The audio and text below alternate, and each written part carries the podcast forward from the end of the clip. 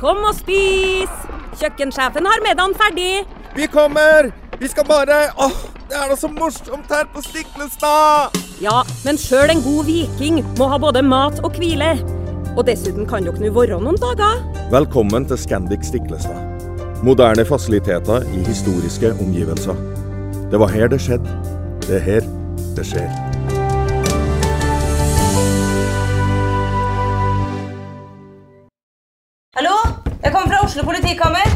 Ine Jansen er purk. Er du purk? The motherfucking bitch. Alt jeg vil, er å finne ut hva som skjedde med mannen min. Jon Carew. Er jeg sikta for noe? Iben Akeli. Det er du.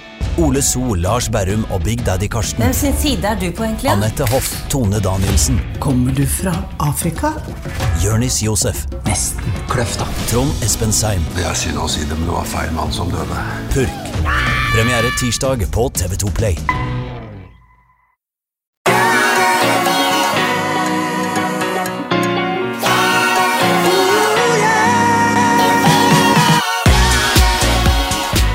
Velkommen til podkasten Hjernesterk. Eh, Ole Petter, eh, nå er vi i studio til Moderne Media i eh, Oslo. Og vi møtte hverandre på Aker Brygge. Du kom da fra God morgen Norge. Jeg kom med T-banen.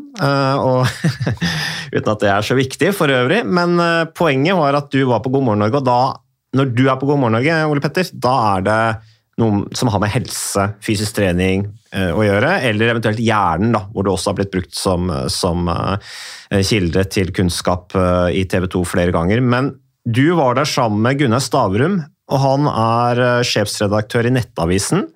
Er jo en veldig kjent mediemann i Norge, og han satt der da sammen med vår Staude og deg og snakket om at han skulle Han veide vel 180 kilo eller et eller annet, og skulle gå ned 18 18 kilo, ganske konkret han, i antall kilo. Han skulle gå ned 18 kilo eh, og skulle løpe Var det Sevilla eller Valencia Marathon? Valencia. Valencia Marathon var det.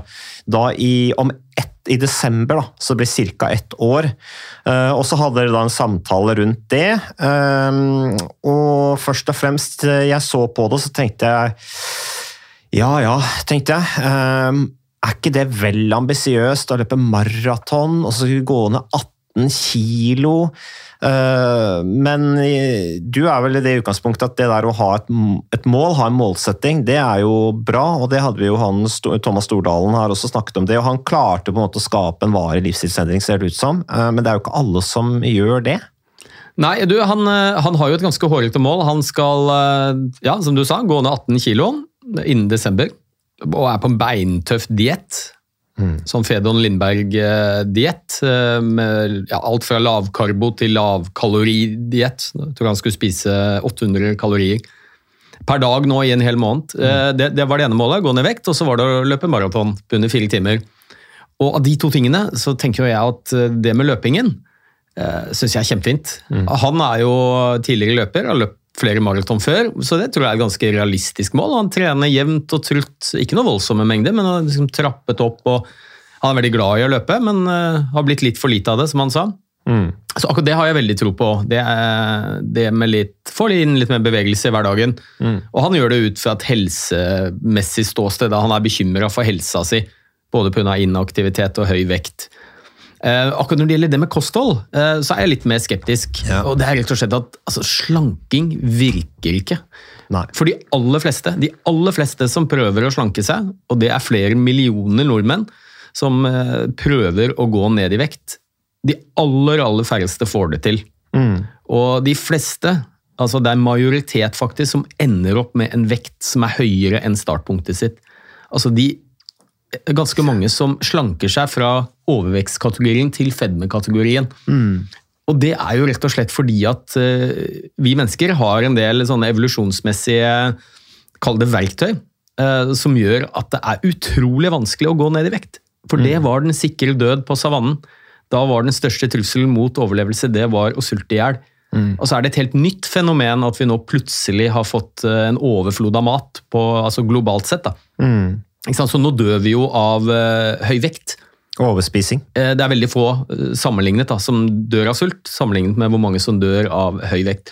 Så vi har masse evolusjonsmessige verktøy som setter i gang når vi prøver å gå ned i vekt, for å forhindre at vi skal gjøre det. Eh, Forbrenningen skrus ned, du får høyere appetitt osv. Så, videre. så mm, så, så jeg tror jeg vil være så bastant, og med støtte i forskning, og si at det er ganske enkelt å gå ned i vekt. Problemet er å holde seg der. Mm. Sånn at hvis du går på en diett med veldig få kalorier, uh, så, så, må du holde deg på lavkalori og en, den typen kosthold resten av livet. Ja, okay. Og det er det veldig få som klarer. Mm. Ja, for det er jo ekstremt i utgangspunktet. Ofte. Ja, og særlig med, her, med Stavrun som eksempel, da, i innledningen her.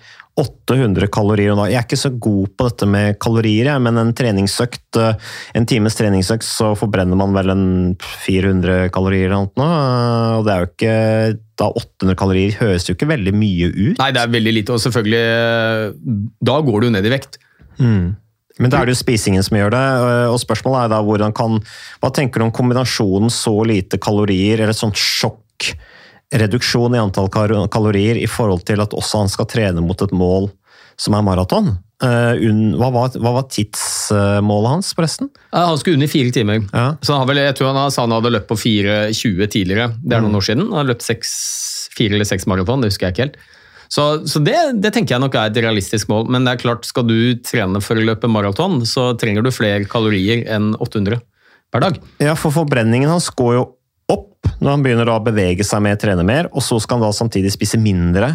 Uh, det må jo skje noe med kroppen hans, da. Ja da, ikke sant? Og hele hovedpoenget mitt er at det der er ikke bærekraftig over tid. Og, det som bekymrer meg litt, uh, jeg ser det jo i aviser hver eneste dag, så er det sånne mirakelkurer. Skvis deg ned seks kilo eh, før jul, så du passer inn i kjolen din til julaften eller nyttårsaften. Mm. Eh, og det loves gull og grønne skoger.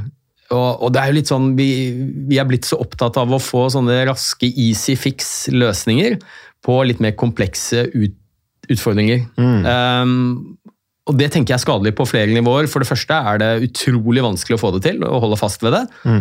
Og for det andre så gjør det noe med holdningen vår til kropp og mat som, som er veldig, veldig eh, uheldig. Og, og, og, det er jo sånn ikke, altså Hvis noe høres for godt ut til å være sant, så er det sannsynligvis ikke sant. Hvis du hadde fått en e-post fra Nigeria hvor det sto at uh, hvis du bare gir oss kontoinformasjonen din, så skal du få 15 millioner dollar som onkel Dembe i Nigeria uh, har lyst til å gi til deg, så går du ikke på den. Nei, det, det gjør jeg ikke. Det... Nei, så, så, jeg tenker de eneste tingene som funker, når det gjelder vekt, det er noe du kan holde fast ved hver dag resten av livet. Mm, et type mm. kosthold, en, et levesett. Mm. Så Derfor har jeg mye mer tro på bitte, bitte små endringer. Både når det gjelder fysisk aktivitet, når det gjelder kosthold, som faktisk er bærekraftig over tid. Mm. Eh, og så er det jo ikke sånn som veldig mange tror at For nå er det jo faktisk blitt sånn at vekten vår i stor grad er med på å definere hvem vi er som mennesker. Mm utrolig stigmatiserende og, i dagens samfunn å ha høy vekt. Uh, og, og, det sier ikke nødvendigvis noe om helsa di heller. For den store andelen nordmenn som har høy vekt, så, så, er det ikke vekten i seg selv som er problemet. Nei. Det er underliggende faktorer, kanskje usunt kosthold, mm. kanskje er det lite bevegelse eller en kombinasjon. Ja. Så jeg er veldig pådriver for å, å prøve å vri fokuset vekk fra vekt er du opptatt av helsa di, så prøv heller å gjøre noen små endringer når det gjelder kosthold, søvn, fysisk aktivitet. Mm. Ikke sant? Fordi du kan, du kan, være overvektig og kjempesunn, mm. og du kan være slank og usunn. Så ja. det sier nødvendig, ikke nødvendigvis noe som helst. Så jeg, jeg, Spesielt for oss som jobber i helsevesenet, så syns jeg vi må bli mye flinkere til det. Vi er, vi er altfor opptatt av pasientenes vekt når det gjelder helse, og mindre opptatt av det som ligger under. da. Mm. Vi, vi, bare måler vekta, og så sier vi at du har BMI på 31, du må gå ned i vekt. Ja. Istedenfor å snakke om kosthold, snakke om søvn, snakke om stress, ja. snakke om fysisk aktivitet. Eh, når det gjelder eh, det, Ole Petter, eh, det du er inne på der, så, så vi snakker jo mye til folk om fysisk trening begge to. Jeg sier at det viktigste med treningen er alt det det påvirker som vi ikke kan se. Men ofte så snakker man jo om årsaken til å begynne å trene, spise sunnere og sånne ting. Det handler om det man kan se, som du er inne på her. ikke sant? Dette med vekt og, og at det er liksom definerer folk og de tingene der. Eh, og det syns jeg er veldig synd, eh, fordi at jeg tror at motivasjonen for folk til å mosjonere, da, for å bruke det uttrykket der, som kanskje er et bedre uttrykk, Å spise sunnere, ville vært bedre hvis man hvis man fokuserte på alt det du ikke kunne se, som er inni deg, da, som går på mm, hjerte, muskler, ledd, eh, ikke minst det mentale, hjernen, som du snakker mye om. Og hver eneste mosjonsøkt har jo påvirkning på det.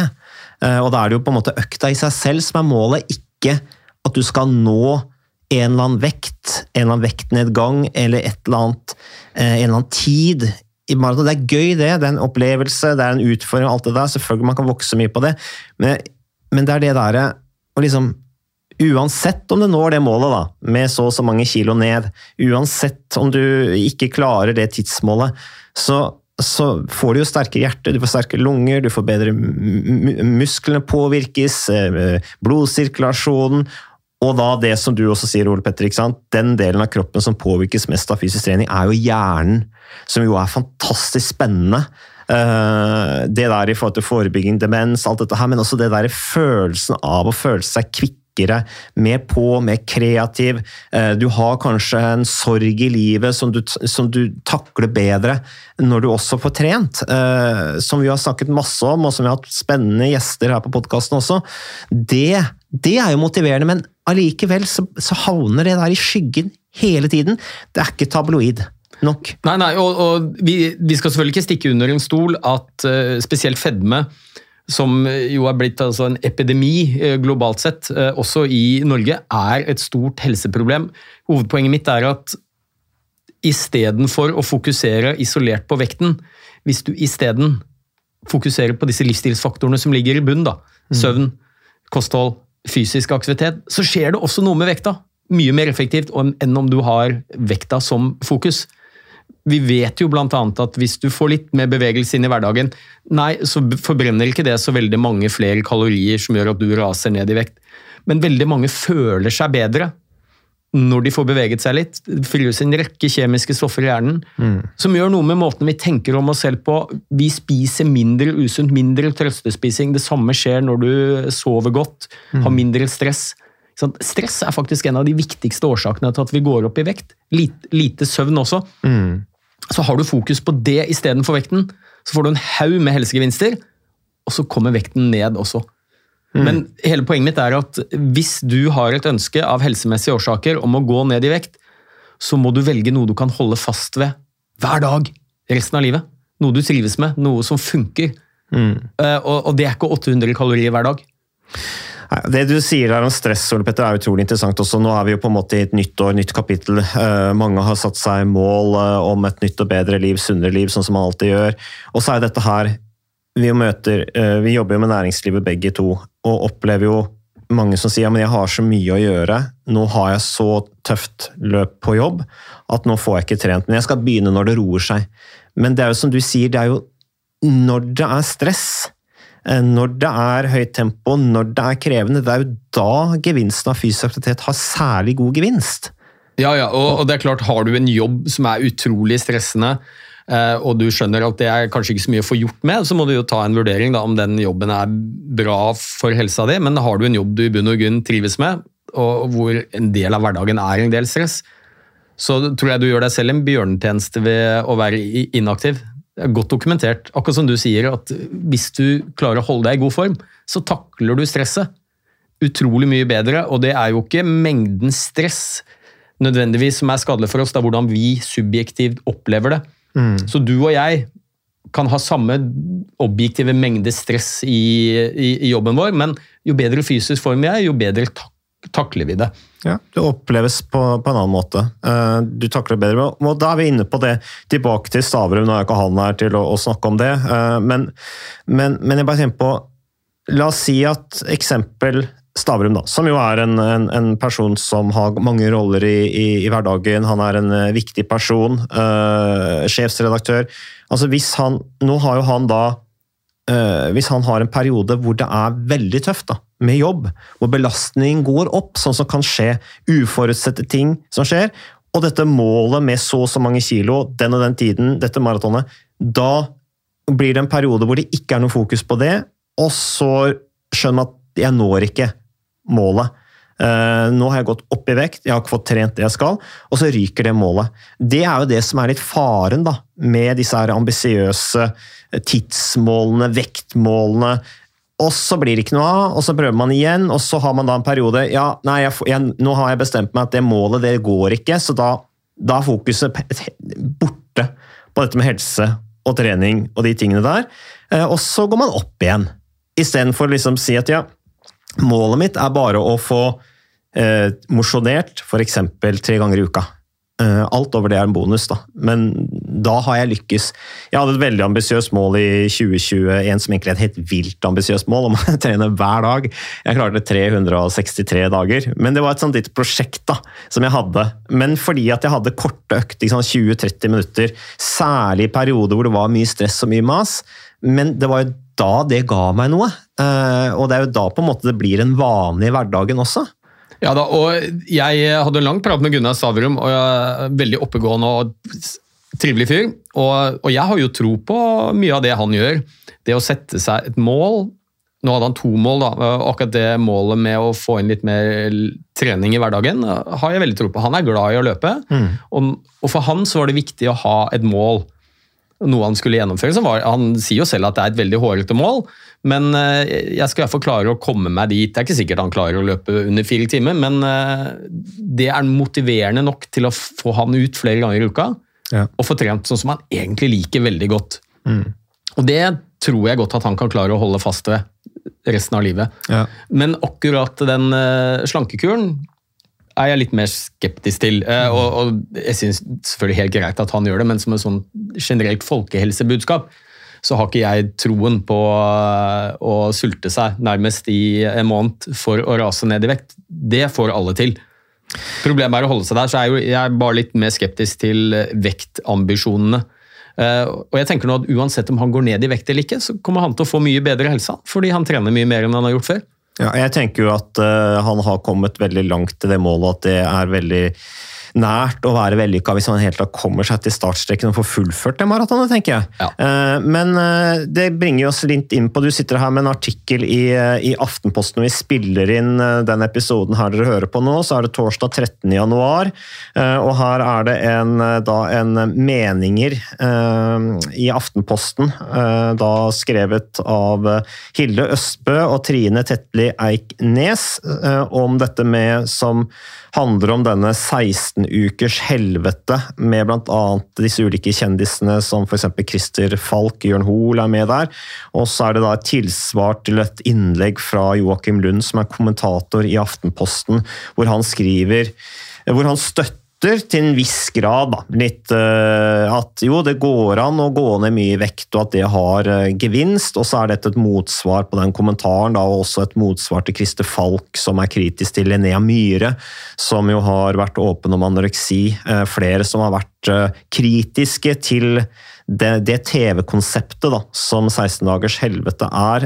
Nå har jo ikke vi sett Eh, den eh, serien. Den skal vel på, eh, bl.a. med Martin Jonse Sundby og flere andre som skal hjelpe disse kjente. Ukas annonsør det er HelloFresh. Og hvis du nå går inn på hellofresh.no og bruker koden 'fresh hjerne', så kan du få opptil 1779 kroner rabatt på da de fem første matkassene dine hvis du ikke har prøvd Hello Fresh enda. Og Ole Petter, vi er jo glad i Hello Fresh i podkasten Jernsterk, selvfølgelig fordi at de er en annonsør. De er med og bidrar til å spre det glade ordet om fysisk aktivitet og god helse. Men i tillegg så har jo vi også nå lang erfaring med Hello Fresh eh, selv. Så vi må jo si at det har vært gode erfaringer til nå. Ja, absolutt. Visste du Mats, at HelloFresh er faktisk verdens ledende matkasseleverandør? Og tilbudene til HelloFresh gjør det enkelt å lage gode og varierte retter som skaper matglede. Og matglede vet du, det er like viktig som hva du putter i munnen. Det å spise mat med folk du trives med. Så gjennom 25 nye og inspirerende retter hver uke så bidrar HelloFresh til dette. Du kan bestille ekstra porsjoner om du får gjester, eller hoppe over uke hvis du f.eks. skal bort. Og Det er ingen bindingstid, og du velger leveringstidspunkt og dag selv, så leverer Hello Fresh matkassen din akkurat når det passer deg. Ikke dårlig, Mats.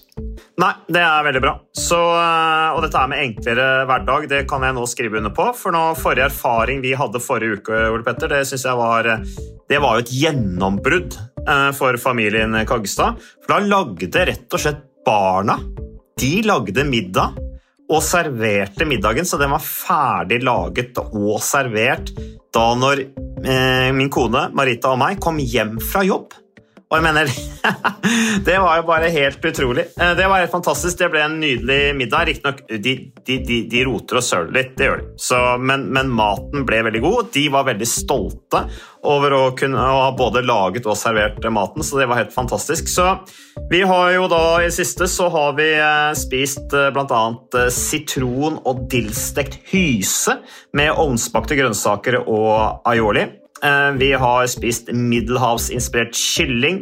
Taco, så finnes det mange ulike typer taco. F.eks. vietnamesisk taco, som vi har spist. Thailandsk vegetargryte. Veldig riktig og sunt eh, i dagens eh, samfunn med, med fokus på bærekraft. Hvitløk og chilistekte reker i spagetti, det var definitivt en vinner. Så det er så flott. Du får rimelig mat ved at du kun betaler for det du trenger, så det blir ordentlig feststemning med Hello Fresh. Det gjør det, og nå er det bare for deg å gå inn på hellofresh.no og bruk koden FRESH hjerne'. Da får du opptil 1779 kroner rabatt på de første fem matkassene dine, hvis du ikke allerede har prøvd HelloFresh. Du kan også bruke rabattkoden hvis du har stoppet abonnementet ditt for tolv måneder siden eller mer. Er det noe å lure på? Håper maten smaker godt. Bon appétit! Med å- komme i, i bra form eh, og gå ned i vekt osv. Uh, men eh, der er vi litt inne på det samme, Ole Petter. Det er liksom man går ut, sier, har et ambisiøst målsetting, eh, flagger at man skal et sted, og så skal man da følge disse Det blir jo, det blir jo god TV av det. God underholdning, først og fremst. Eh, Men eh, som folkehelsebudskap så er det vel ikke så veldig bra. Nei, jeg, jeg tenker at det er fullstendig skivebom, jeg. Og, og det er jo som du sier, det er god TV. Du får sikkert mange annonsekroner inn på det, og det gir mange leseklikk eh, på nettet. Men eh, jeg tror det er rett og slett negative folkehelsebudskap. Og det er helt sikkert noen som, som klarer, og det vet vi jo, noen som klarer å starte på sånne kurer, enten det er massiv mengde trening eller uh, gå ned i vekt, som klarer å holde seg der. Men det er, det er de aller, aller færreste. Så jeg tenker vi har et ansvar når vi er opptatt av folkehelse og jobber med det. Uh, At vi gir råd som, som faktisk man kan følge, eh, og som ikke er skadelige. Og det er, det er så mye dokumentasjon på at hvis du ønsker å gjøre noe med livsstilen din, enten det er med bevegelse eller gjøre noe med vekta di, så må det være noe du klarer å holde fast ved over tid.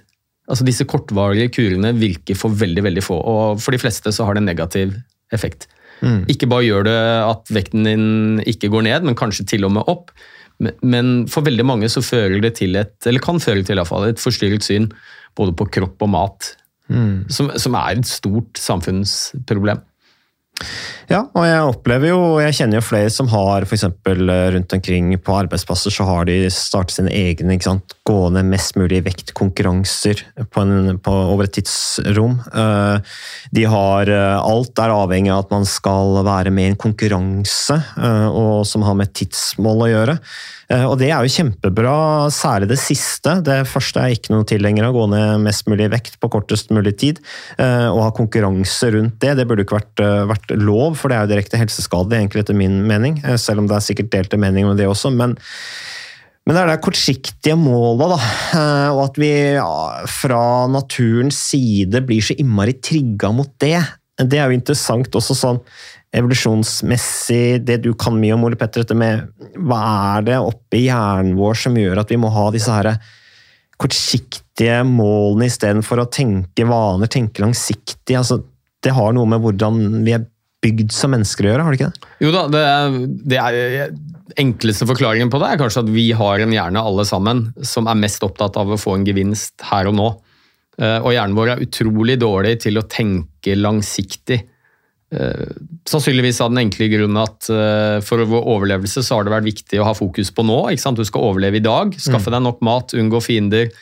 Eh, Hva som skjer eh, et år eller to eller ti fram i tid, eh, er ikke hjernen vår spesielt god til å forholde seg til. Så lenge levde vi ikke på savannen engang. Så den umiddelbare belønningen, om det er å gå ned i vekt, bruke rusmidler, hva det måtte være for noe, det vinner de langsiktige negative helsekonsekvensene av å leve sånn over tid. Og så har jeg sagt litt fleipete også, dette kan du dra inn på mange områder. Det er samme grunn til at vi er dårlige til å spare til pensjon. Sant? Det er utrolig digg å ha penger nå, som du kan bruke og belønne deg selv med. Eh, selv om alle vet at det er lurt å sette av litt penger til alderdommen. Så um, ja. Jeg synes også det er litt interessant i forhold til eh, den oppfølgingen vi har i næringslivet også, Ole Petter, hvor, hvor, hvor vi, vi, vi har langsiktige programmer eh, hvor målet er å følge opp fysisk aktivitet, mosjon, god helseatferd over tid. Eh, Hvor det er begrensninger. Du, du, du får ikke du, får ikke, du blir ikke premiert for mye trening. Det er sånn begrensninger på, hvor, på målsettinger da, for at det skal bli et sunt, sunt nivå over det, og, og hvor krevende det er å etablere mosjon som en målsetting i et folkehelseperspektiv, selv i næringslivet. da. Eh, Og hvor gøy det er der man lykkes, og hvor det blir en vane, hvor det blir en kultur, og det blir en felles bevissthet rundt hva som faktisk er målet her. Men det er krevende, for det er hele tiden disse her avsporingene, og det gjentar seg år etter år etter år, igjen og igjen og igjen. I januar så er det slanking som er fokuset, og det skal skje det som folk blir trigga av, det som får oppmerksomhet, det er disse her ekstreme løsninger. Og Stavrum her, nå, nå spurte ikke jeg om det, og om dere snakka om det, men hva, hvor, hvilken type oppfølging får han? 16 dagers helvete, så er det jo et helt apparat rundt disse deltakerne, men Stavrum, har han noe oppfølging utover at han har sin egen erfaring, og at folk heier på han? Ja da, det har han. Han har eh, god eh, hjelp, han altså. Både på ernæringsbiten og treningsfronten. Ja, og det treffer jo ikke folk flest, for folk flest har jo ikke de har jo ikke ressurser til å skaffe seg ernæringsveileder og, og, og egen trener som skal følge det opp. Det, det, det, det, treffer de som har den inntekten og er i en posisjon hvor de kan skaffe seg det. Men det gjelder jo ikke folk flest. Det gjelder jo ikke der hvor det virkelig trengs. Folk som kanskje sliter med psykiske lidelser, som sliter med dårlig mestringsfølelse, har dårlig helse pga. Av, av dårlig fysikk osv. pga. årevis med inaktivitet f.eks. Det, det blir jo ikke relevant der i det hele tatt. Nei. Så det, Derfor så er jo det da ikke veldig bra for folkehelsa, selv om kanskje intensjonen er det i utgangspunktet. Jeg vet ikke om du ville si noe mer om det, Ole Petter? Jo, jeg har lyst til å si det at du, du var inne på en nøkkel der, da, og det er dette med vane. Eh, hvis du har lyst til å få til en varig endring, uansett hva det er for noe, eh, så bør de endringene bli en vane. Og det kan ikke bli en vane å spise 800 kalorier hver dag, eller gå på en utrolig streng diett, sånn som veldig mange gjør. Det er det faktisk så godt som ingen som klarer å holde fast ved. Så nøkkelen er, og det er så godt dokumentert, men hjernen vår har problemer med å ta det inn over seg, eh, av de årsakene jeg sa, med evolusjonen, og det er jo at bitte små endringer som du klarer å holde fast ved. Og gjerne ha noen mål, og du kan godt ha et hårete mål om at du skal bli i kjempegod form, eller eh, gjøre noe radikalt med kostholdet ditt, men ta et lite steg av gangen. Gjør ting du trives litt med, og som du klarer å holde fast ved, og da blir det til, til en vane. Mm. til slutt, Ole Petter. eh, vi er i januar, som jeg nevnte. Um, har du noe Vi hadde jo Vi var, vi var jo på en måte vi var jo og, og snakket om eh, Vi snakket jo om nyttårsforsetter i fjor, sånn Ja. som man alltid gjør. Vi var også på God morgen Norge og snakket om nyttårsforsettene våre der. Jeg hadde at jeg skulle tøye mer hver dag. Det gjorde jeg fram til Tour de France. Og så reiste vi jo ned dit, i Frankrike, i hektiske over tre uker. eh, Og da gjorde jeg det ikke mer. Um, og har egentlig slutta med det etterpå. Um, har du noen nyttårsforsetter eller mål for året som kommer nå? Eh, Jeg hadde jo et i fjor, da. Du skulle bli litt mykere, husker Ja. jeg. eh, Og jeg skulle jobbe litt mindre. Det har jeg klart. Du har det, ja? Ja. ja? Jeg har nemlig ikke følt det sånn på Nei deg. men, det, det, jeg sier ikke at jeg jobber lite, men eh, jeg jobber i hvert fall mindre enn jeg har gjort. Og har litt mindre stress i min egen hverdag. Gratulerer. Det er bra. Så, så mitt uh, nyttårsforsett er egentlig å klare å holde fast ved det. Bygge videre på det. Ja. Ja. Men du, jeg kom på en ting som jeg uh, ikke sa i sted, når vi snakker om vekt, som jeg tenker er litt viktig. og For mange lurer kanskje på hvorfor er det så vanskelig å gå ned i vekt og holde seg der. Ja. Og jeg pleier å si det, det er lett å gå ned i vekt, problemet er å holde seg der. Og så nevnte jeg vel to ting. Jeg sa at forbrenningen din skrus ned når du sulter deg. Ja, det er en overlevelsesmekanisme som har vært svært nyttig for oss gjennom millioner av år, faktisk. Eh, Det andre er at eh, du får økt appetitt når du spiser lite. Eh, Også en forsvarsmekanisme. Fordi vi er, hjernen vår er opptatt av at vi skal få nok næring for å overleve på Ja. savannen. Og det tredje det er at hjernen vår har en tendens til å huske den høyeste vekten du har hatt, og prøve å holde deg der.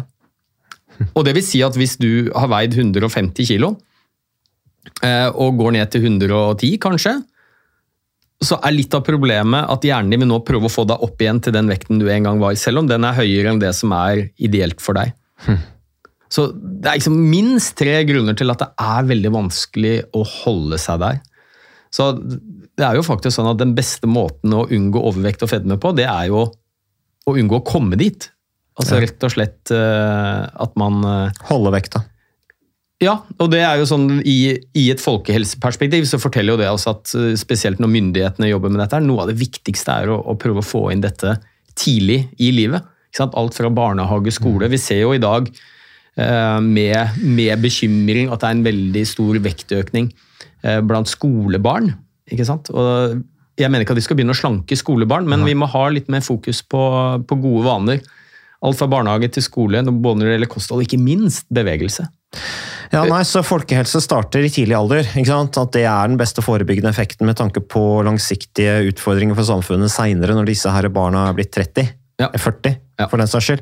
Eh, og da er vi jo inne, Nå er vi jo i pandemien og dette her med idrettens utfordringer. ikke sant? Nå med for eksempel grelle eksempler fra ishockey, da, med én ishockeyspiller som har en positiv hjemmetest, og som har to-tre lag ut i karantene. Eh, jeg har jo selv barn som eh, En sønn som skulle vært med på bandyturnering forrige helg. ikke sant? som den ble avlyst. eh, og det er jo krevende. Hvor lenge skal vi jobbe med dette her? Og igjen så syns jeg dette med fysisk aktivitet, det med folkehelse, eh, forebyggende folkehelse, som jo har kjempepotensiell samfunnsgevinst, det blir stadig vekk på en måte Det havner bakerst i prioriteringskøen. da.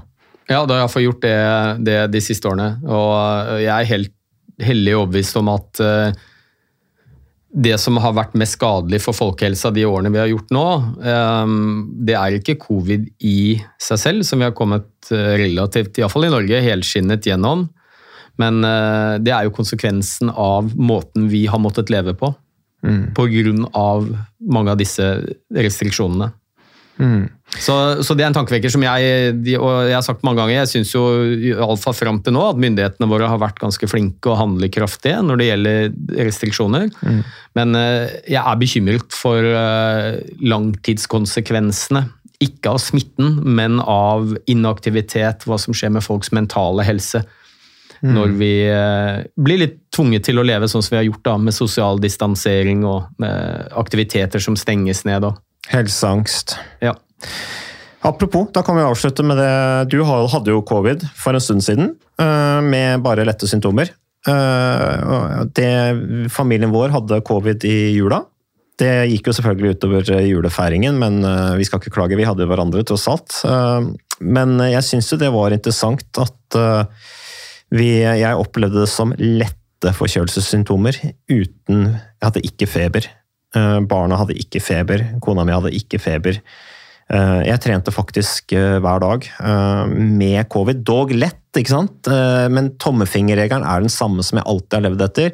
Har du ikke feber, så kan du trene rolig og lett, eh, sånn som du også snakket om at du gjorde. Jeg har for øvrig fått en, eh, en melding fra en som, hadde, som har hørt det, at jeg uttalt at jeg, at jeg trente med covid, det var via et annet medie, eh, som ga meg litt kjeft for det. For han, anbefalingen var at man ikke skulle gjøre det, at det kunne få senvirkninger som fatigue og ME. Men eh, jeg, oppfatter, jeg kjenner jo min egen kropp, og jeg oppfatter at den tommefingerregelen som jeg er vant med fra andre type influensalignende eh, sykdommer, den gjelder også med covid. Er det noen grunn til å behandle covid-sykdom noe annerledes enn andre sykdommer, så lenge du ikke har sterke symptomer? Nei, den, eh, den dokumentasjonen vi har, og den begynner å bli ganske stor, det er at uh, det gjelder med covid som alle andre infeksjonssykdommer, at du skal ikke trene når du har feber, mm. og bør helst være, vært feberfri et par dager før du begynner å trene. Men uh, føler du deg ok, uh, selv om du har lette symptomer, ikke feber, så er det ikke noe farlig å trene. Men det, det kan være lurt å ta det litt roligere enn vanlig. Mm. Og jeg, jeg, har som sagt også hatt uh, covid, og jeg, hadde, jeg nøs, jeg. Det var det som var mitt symptom. Mm. Og, begge, er, begge er vaksinert, ja, bare for å legge til det. Og det er jo et mm. veldig viktig poeng å få, få fram her. Da. Både mm. du og jeg er dobbeltvaksinerte. Mm. Jeg har fått tilbud om trippeldose nå, og, og nå har vi utrolige mengder dokumentasjon altså, som er skaffet på relativt kort tid fra hele verden, fordi alle er jo opptatt av covid. Og Det forteller oss veldig tydelig at det å vaksinere seg, det er det viktigste du kan gjøre for å unngå å bli alvorlig syk mm. av covid. Og Det er jo det vi burde vært mest opptatt av. Vi er jo ikke veldig opptatt av om noen får forkjølelsessymptomer med forkjølelsesvirus. Det takler samfunnet ganske bra. Det som er utfordringen, er jo hvis veldig mange spesielt samtidig, blir så alvorlig syke at de trenger helsehjelp. Kanskje fra fastlege, innlegges på sykehus, på intensiven. Det er trusselen mot ja, helsetjenesten og samfunnet vårt. Mm. Så eh, vaksiner dere. Og det, det, er så tydelig nå. Og så ser vi at eh, det er en veldig stor andel av de som nå er på sykehus. Det er ikke så veldig mange, det er, det er noen hundre nå som ligger inne på sykehus i Norge med covid-19 en stor andel av de, de er uvaksinerte. Mm. Uh, og, og, det som skiller de som For det er fortsatt uh, en del som er vaksinerte som også ligger på sykehus. Ja, men og, de er alle over 65 år. Ja, ja, og det er jo to grunner til at det er sånn. Det ene er jo at vaksinen beskytter ikke 100% mot covid-infeksjon. Det vet vi veldig godt. Vi vet ikke nøyaktig hvor godt den mm, beskytter. Uh, så det er én grunn til at det er en del vaks, uvaks, nei, unnskyld, vaksinerte som også har fått covid. Og det andre er jo nå at når over tre, vi er kanskje over på fire millioner nordmenn som har fått vaksinen, så er det jo helt åpenbart at statistiske For alle som kan litt statistikk, at det er naturlig at en del av de som er smittet, da har blitt vaksinert. Mm, mm. Fordi nesten alle i befolkningen har blitt vaksinert. Så når noen blir syke, så er det jo størst sannsynlighet for at det er blant vaksinegruppa. Mm. Men det er en uforholdsmessig stor andel av de som er innlagt, som er uvaksinerte. Og det som skiller de, er jo at de fleste av de som er vaksinerte og som havner på sykehus, det er godt voksne, gjerne eldre med underliggende sykdom. Mm. Mens mange av de som er uvaksinerte og havner på sykehus, de er gjerne yngre og i utgangspunktet friske. Ja. Så det er mitt helt klare råd, og det er ikke bare noe jeg tror, men det er utrolig godt dokumentert. Vaksine hjelper. Det hjelper deg personlig mot å bli alvorlig syk av covid, så du trenger helsehjelp. Og for det andre så er det svært beskyttende for samfunnet ellers. Altså, mm. og, det, og, det, tror jeg er et sånn Vi snakker veldig mye om eh, at vi vaksinerer oss for å unngå å bli syke sjøl. Helt riktig, men en enda viktigere grunn til å vaksinere seg er for å unngå å smitte de som er skrøpelige og i sårbar situasjon i samfunnet. Så det er en veldig solidarisk handling i tillegg. Ja, Når du nevner det der at man vaksinerer seg for å unngå å bli syke, så gjorde jeg jo det som idrettsmann. Altså, jeg tok influensavaksine for å unngå å få huller i treningsdagboka mi. ikke sant? Fordi at hver dag var viktig i forhold til å opprettholde formen. Så vi har jo vaksinert oss for influensa før også, eh, så, men selvfølgelig et helt annet press på det nå. Men eh, Ole Petter, eh, vi fikk tatt en del nå som har vært bra, tenker jeg. Som typisk januar-tema, som er viktig. Og så takker vi for at du har lyttet på podkasten Hjernesterk. Og så er vi tilbake til mer med mer neste uke. Takk for nå.